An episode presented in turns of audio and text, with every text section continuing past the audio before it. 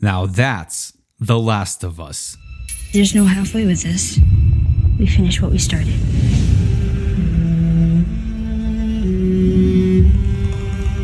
Może zażartowałem z tym Now That's The Last of Us, ale tak osobiście, jakbym miał spojrzeć na ten odcinek i to właśnie robię, to dla mnie ten odcinek, odcinek piąty, był najlepszy. Najlepszy do tej pory. Mamy smutek, mamy empatię, mamy akcję, mamy pojęcie dobra w obliczu najgorszych wyborów. No i mamy też taki growy, gameplayowy vibe. Także usiądźcie wygodnie. Niniejszym wchodzimy w spoilery, bo jaką w ogóle drogę przechodzimy w odcinku piątym? Zaczynamy w Kansas City, w którym Kathleen kieruje ruchem oporu.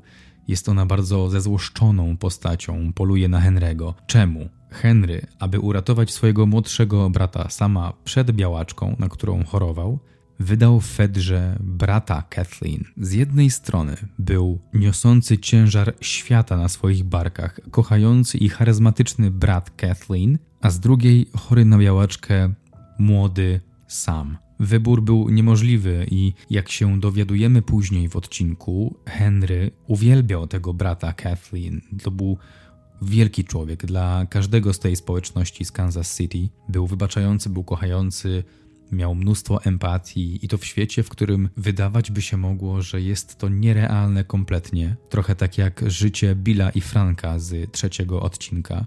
Dlatego dla Henry'ego to był też ogromny cios, to było ogromne rozdarcie. Co zrobić w takiej sytuacji? Ratować swojego młodszego, ośmioletniego brata, kompletnie zależnego od niego czy utrzymać relację z człowiekiem wielkim, charyzmatycznym, który daje wartość nie tylko jemu, ale też całej społeczności. Sporo w tym odcinku jest tego rodzaju filozoficznych zabiegów, co tak naprawdę jest dobre. No i jak daleko jesteśmy w stanie się posunąć, żeby ratować, chronić osoby, które kochamy. Kathleen nie może tego zapomnieć, nie może tego wybaczyć Henrymu. Ona nie jest swoim bratem, ona jest tym drugim końcem kijka i dlatego jest gotowa przekopać całe miasto ze swoimi żołnierzami, tylko żeby zlikwidować Henry'ego i sama. A że najnowszą atrakcją miasta Kansas jest Joel i Ellie, to ich również ścigają wszyscy. I w takich też okolicznościach oni się spotykają. Mam tu na myśli Henry'ego sama, Joela i Ellie. Spotykają się w pokoju opuszczonym, to jeszcze pod koniec czwartego odcinka, a w piątym odcinku niechętnie dochodzą do wniosku, że mogą sobie pomóc. Jedna grupa wie, jak wymknąć się z miasta po cichutku, a druga wie, jak zlikwidować ewentualne niebezpieczeństwo. Po drodze Eli i Sam zaczynają łapać kontakt, lubić się, często się śmieją, wymieniają zainteresowania, komunikują się, mają naprawdę fajne flow. Henry próbuje dotrzeć do Joela i nawet trochę mu się udaje, ale te mury stoją za długo i za dużo cementu zostało użyte, żeby dwudniowa znajomość mogła je zburzyć. Także mimo najszczerszych chęci Henry'ego, Joel pozostaje twardy jak skała i skupiony na tym, żeby opuścić miasto, na tym, żeby dotrzeć do celu. Tak więc nasza grupka realizuje swój plan i znajduje tunele, wchodzi do nich i tam odnajdują opuszczoną podziemną osadę. Tam znajdują azyl chwilowy po to, żeby nabrać sił i żeby wyruszyć po jakimś czasie w stronę przedmieść. Równolegle poznajemy stronę Kathleen i jej moralny kompas. To się odbyło podczas takiej krótkiej scenki w mieszkaniu. To była rozmowa między Kathleen a Perrym, czyli jej takim silnorękim żołnierzem pierwszej linii, osobistym bodyguardem. Tam się dowiadujemy, jak bardzo ubolewa nad tym, że już nie ma brata i jak bardzo oni się różnili. I dostaje taki feedback też od Perego, że, że to dobrze, że się różnili, bo jej brat, mimo że był ogromnym wielkim człowiekiem, kochającym i, i, empatycznym, to nic nie zmieniał, a Kathleen ze swoją totalitarną naturą wprowadza realne zmiany. Ta scena trwa dosłownie chwilkę, poznajemy stronę Kathleen i wracamy do naszej grupy, która, która wyszła z tuneli i doszła do takiego osiedla, które okazuje się też jest strzeżone przez e, agenta wysłannika, można powiedzieć, Kathleen. Joelowi jednak udaje się obejść jego strzały, no bo ten gościu jest snajperem. Joel wymija wszystkie przeszkody i dociera do tego domu, w którym siedzi snajper i go zdejmuje. Krótko mówiąc, też z pewnym, e, z pewnym bólem. No a potem zaczyna się jazda. Ludzie Kathleen odnajdują naszych uciekinierów, zarażeni wychodzą z podziemi, powstaje istny chaos i w tym chaosie sam zostaje ugryziony i zabity tuż po pobudce przez swojego starszego brata Henry'ego. Ten popełnia samobójstwo po tym jak do niego dociera co właściwie zrobił. Następnie Joel i Ellie chowają ich ciała i ruszają dalej. Tak się kończy odcinek. O tym właśnie opowiada. I teraz przechodząc do krótkiej analizy takich przemyśleń na temat odcinka, to chcę zacząć od słowa wow. Było tutaj naprawdę sporo różnych emocji i dużo odpowiedzi. Wiemy czemu Kathleen jest takim złolem, ale widzimy też obie strony. Można bez owijania stwierdzić, że w tym odcinku poznajemy różne oblicza dobra, zła, Zauważamy, że im więcej historii za wyborami poznajemy, tym ciężej jest nam powiedzieć, że coś jest tylko takie lub takie, dobre lub złe. Im więcej szarej strefy, im głębiej wejdziemy w te światy postaci, tym ciężej jest oceniać. Trochę jak w życiu. Scenariusz jest mocno zmieniony. Przede wszystkim jest Kathleen i całe Kansas City, no ale jest też Sam, który jest głuchoniemy. Ciekawostką może być też to, że aktor, który grał sama, czyli Key Von Woodard, prywatnie też jest niedosłyszący. W ogóle świetnie się go ogląda podczas wywiadów. Widać w nim taką ciekawą dojrzałość, zwłaszcza gdy wypowiada się na temat swojej współpracy i jak opowiada o tym, że musiał z rodziną się tam przenieść, czyli do Kanady, na dwa miesiące i dwa tygodnie widać, że ma bardzo wspierającą rodzinę i sam zachęca wszystkie głuchonieme osoby do tego, żeby goniły za marzeniami, że jeśli marzy im się aktorstwo, to żeby śmiało próbowały, że są blokady, że to nie jest łatwe, ale da się to przezwyciężyć i jakoś tak trafiło to do mnie. Ten przekaz był naprawdę wartościowy i cały ten wywiad był też przyjemny. Kolejna zmiana to bezproblemowa ucieczka przez tunele. Mm, w grze to trwało trochę, bo oni do tych tuneli też w innej kolejności trochę dotarli, a jak już tam dotarli, to tam było istne piekło. Te tunele były całe zapełnione zarażonymi i dużo progresu w grze zależało od tego, jak szybko sobie poradzimy z tymi hordami. Tutaj jest troszeczkę inaczej, tunele są czyściutkie, jest tylko ta opuszczona osada, w której nie poznajemy tak dobrze historii Isha, czyli bohatera tuneli, w grze był to człowiek żyjący w łodzi na, na wodzie przez tyle, ile udało mu się przetrwać ze swoimi zapasami, ale jak mu się skończyły, no to przycumował do brzegu. Tam poznał rodzinę, która go o dziwo nie zastrzeliła. No i okazało się, że mieszkają w tunelach, i on do nich dołączył, tworząc społeczność lub pomagając tworzyć taką społeczność. No ale niestety jednego dnia ktoś zostawił tunel otwarty i horda zarażonych wbiegła. Z tego co się dowiadujemy w grze, Isz i część tej rodzinki przeżyła, ale nie wiadomo co się działo z nimi później. To znaczy nie mogliśmy znaleźć ich ciał, wiadomo było z notatek zostawionych, porozrzucanych w tych tunelach, że oni wydostali się stamtąd, ale nie wiemy co działo się z nimi później. W serialu widzimy tylko wzmiankę o nim na jednym z rysunków, co dla graczy oczywiście było jasne. Gracze pamiętali, że, że, że tutaj chodzi o Isha, który miał całą swoją historię, ale w serialu było to potraktowane jako taki smaczek. I wchodząc na chwilę w strefę nerdów, Ish to jest postać oparta na postaci z książki. Isherwood Williams to postać z książki Earth Abides z 1949 roku, napisanej przez George'a R. Stewarta. Podobnie jak w grze, ten Ish w książce tworzy społeczność ocalałych po, po pandemii. Ish jest nauczycielem dla dzieci w tej społeczności, ale żadne z nich nie, nie wchodzi na, na łódź. Ish jest w tej książce żeglarzem. I jest pewne powiązanie między Isherwoodem, czyli bohaterem z książki Earth Abides, a Ishmaelem, czyli bohaterem z książki Moby Dick. To tylko pokazuje, jak Neil Druckmann, jak szeroko wychodzi mm, w swoim scenariuszu poza, poza główną linię fabularną, jak ją wzbogaca tymi pobocznymi materiałami. Kolejna rzecz to taka, że dowiadujemy się, czemu ten ruch oporu jest taki despotyczny.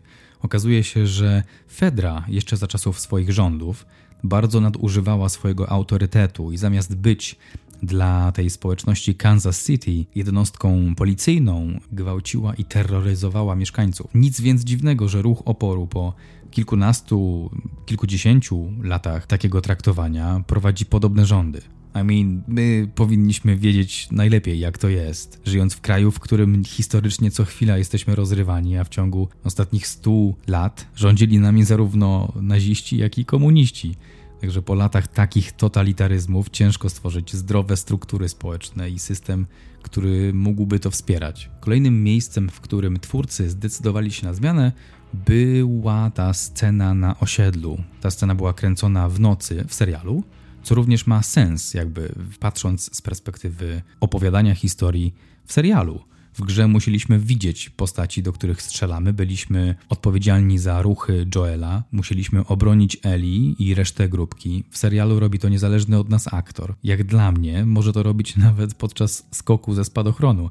Ważny jest efekt, a efekt tutaj był, jakby to pan Makłowicz powiedział, ekstra. Ta cała sekwencja była genialna. To, że było kręcone w nocy, rewelacja, w ogóle mi to nie przeszkadzało. To w ogóle nie leżało obok kategorii problemów. Efekt kinematograficzny był rewelacyjny. No i ostatnia rzecz, przynajmniej taka, którą ja zauważyłem, to to, że Eli dowiaduje się o zarażeniu sama przed pójściem spać. Sam pokazuje jej ranę i ona próbuje wyleczyć go, robiąc sobie nacięcie na dłoni i myśląc, że jej krew działa jak lekarstwo. A jak ona się nie zaraziła, no to według niej jej krew sama w sobie jest tym antybiotykiem, którego sam potrzebuje. No, niestety tak nie jest i sam się zamienia i atakuje ją rano. Mało skuteczne ze strony Eli, ale bardzo ciekawe, że takie coś pokazują w serialu. Pokazują to z jakiegoś powodu. Ciekawe, ciekawe czy to jeszcze później wróci. Ciekawe właśnie, co będzie tym lekarstwem w serialu, bo w grze lekarstwem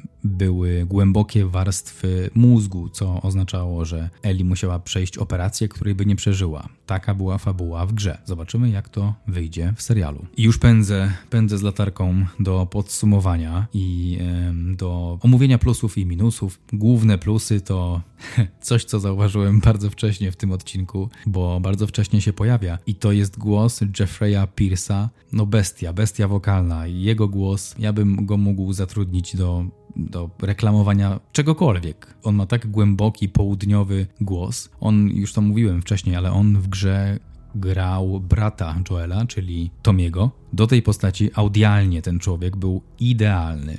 W serialu inną ma rolę, bardzo fajnie, że w ogóle się pojawił, ale chciałbym go zobaczyć jako, jako brata Joela. Był, w grze był rewelacyjny i w serialu, e, jak się pojawił już w poprzednim odcinku, to była fajna gratka. Fajnie, że go w ten projekt wprowadzili, podobnie jak aktorkę grającą Marlene, no ale w tym odcinku też trochę się rozwinął, więcej powiedział. Każda scena z nim to jest samoistny klimat. Świetna sprawa, ale to jest taka bardzo subiektywna obserwacja. Bardzo mi się podobały, ale to super bardzo. Mi się podobały sceny braterskie. One były pełne uczucia, pełne empatii. Jak Henry i sam się przytulali. Widać tam było prawdziwe braterstwo. To nie były piąteczki na siłowni, tylko to były długie, pełne uczucia, zbliżenia, które pojawiały się w serialu kilka razy i za każdym razem był ten sam efekt, czyli bardzo wyraźna, głęboko idąca nić między nimi. Kolejnym plusem dla mnie była historia Isha z tunelu.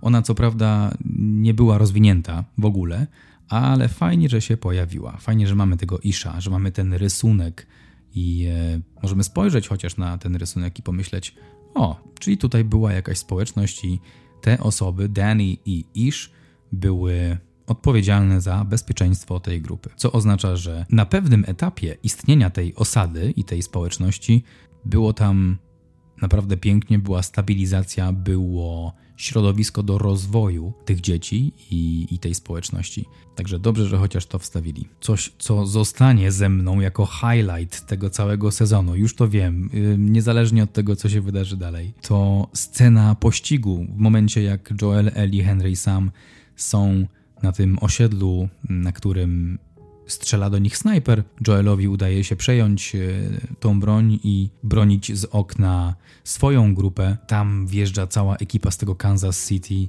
Kathleen i wszyscy jej żołnierze w wielkich ciężarówkach, w uzbrojonych jeepach i Eli biegnąca ile fabryka dała i patrząca w tył, strzelająca na oślep w ten samochód tylko żeby żeby się bronić. Dynamika była tam przez dach, rewelacja. Wybuch tego domu był super zrealizowany. Y, Eli upadająca obok tego wybuchu. Coś, czego przez długi czas nie widziałem tak dobrze zrealizowanego. No i potem ci zarażeni wychodzący z podziemi, jak z piekła jakiegoś. Wszyscy zaczęli masowo atakować siebie nawzajem. Tamci strzelają do zarażonych. Zarażeni biegną w tym swoim zarażonym stylu i wszystkich próbują kasować. W międzyczasie Henry, Sam i Ellie próbują uciec. To od ruchu oporu i od Kathleen, to od zarażonych. Joel strzela do zarażonych, żeby bronić Ellie, żeby bronić Henry'ego i Sama. Henry broni Sama, sam próbuje walczyć z zarażonymi. Eli biegnie do nich, żeby swoim nożem sprężynowym zabijać zarażonych, ponieważ po pierwsze wie, że Joel strzela do zarażonych, którzy zbliżają się do niej, po drugie wie, że jest odporna na zarażenia, dopóki nie będzie rozrywana na strzępy. Dlatego ma trochę więcej w sobie odwagi, ale to było super. To, to właśnie to była esencja też taka gamingowa, growa. Tam wychodziła po raz kolejny ta dynamika między Joelem a Eli, gdzie Eli ma tak naprawdę o wiele więcej wspólnego z Joelem tym współczesnym niż jemu się wydaje, bo ona jest osobą zaradną bardzo, umie się bronić i chce być traktowana na równi, nie jak córka. Joel chce ją traktować jak córkę, ponieważ swoją stracił tragicznie wiele lat temu i próbuje wypełnić tę pustkę, ale Ellie widać, że chce być e, partnerem w tej podróży Joela, a nie kimś, kto jest otaczany nadmierną opieką czy troską. Także to wszystko, ta cała scena, ta cała sekwencja, no piękny chaos, piękny, piękny, piękny chaos. Polecam wam obejrzeć, ja już nie będę więcej mówił na temat tej sceny,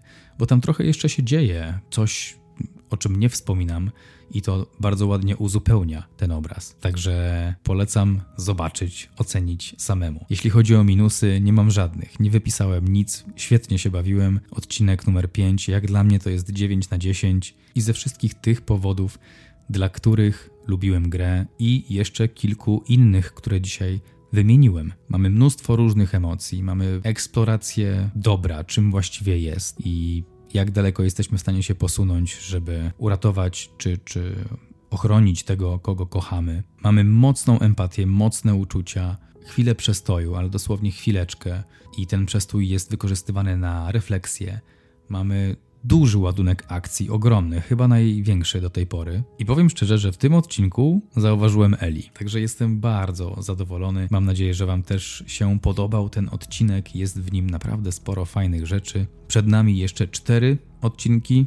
The Last of Us, potem oczywiście drugi sezon. Ciekawe, co jeszcze się wydarzy w następnych odcinkach. Z mojej strony na dzisiaj to tyle. Dziękuję Wam bardzo za to, że idziemy przez te stany razem, wszyscy wspólnie. Chętnie się dowiem, co wy myślicie na ten temat, a tymczasem życzę Wam przyjemnego tygodnia i do usłyszenia.